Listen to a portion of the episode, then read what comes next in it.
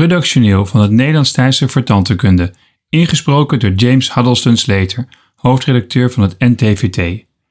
Juli-augustus 2023. Karies, een simpel of een complex probleem? Door Catharine Volgenand, redacteur van het NTVT. Is dat nog nodig, een aparte afdeling kariologie? We weten nu toch wel alles. Een variant op deze vraag werd mij recent gesteld door iemand uit de medische wereld. Deze op het eerste oog retorische vraag vanuit tandheelkundig perspectief zette mij aan het denken over de relevantie van preventie en kariologie anno 2023. Het vakgebied wordt gezien als de basis van de tandheelkunde. Studenten vragen vaak aan het begin van hun studie: wanneer mogen we ons eerste gaatje behandelen? Wanneer gaan we boren?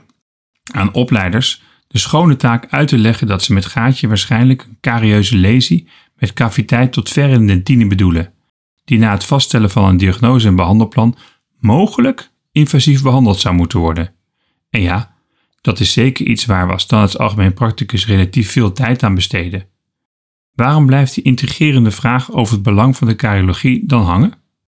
Er wordt veel onderzoek naar karies en kariespreventie uitgevoerd en dit jaar doet de wetenschappelijke vereniging van internationale kariologen, de European Organization for Caries Research, ORCA, Nederland aan. Welkom in Egmond aan Zee.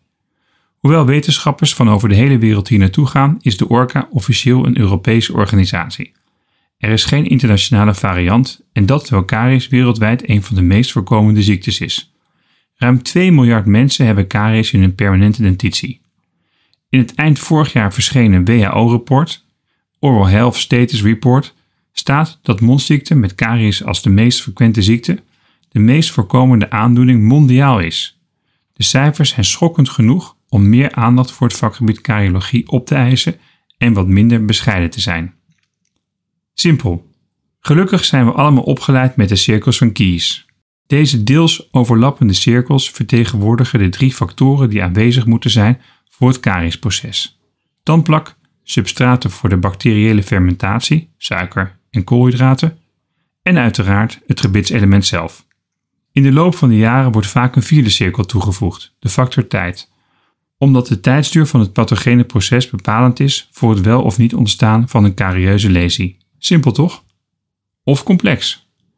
Zelfs na de brede implementatie van fluoride in de westerse wereld is de kariesprevalentie nog hoog. De cirkels van Kies zijn inmiddels uitgebreid met risicofactoren en risico-indicatoren. Het laat zien dat het helaas niet makkelijk is om dit probleem op te lossen.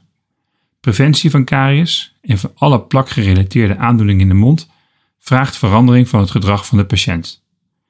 En dan komen we opeens op een ander en uitdagend vakgebied dan de mondzorg: gedragsverandering.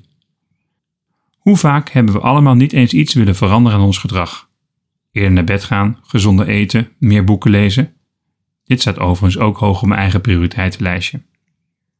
De afgelopen weken stond het onderwerp suiker extra in de spotlights door de verschijning van een 464 pagina's dik boek van professor Ulbe Bosma over de wereldgeschiedenis van suiker.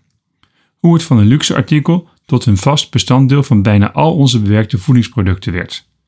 De invloed van suiker op onze algemene gezondheid is al eens in beeld gebracht in de Australische documentaire Dead Sugar Film.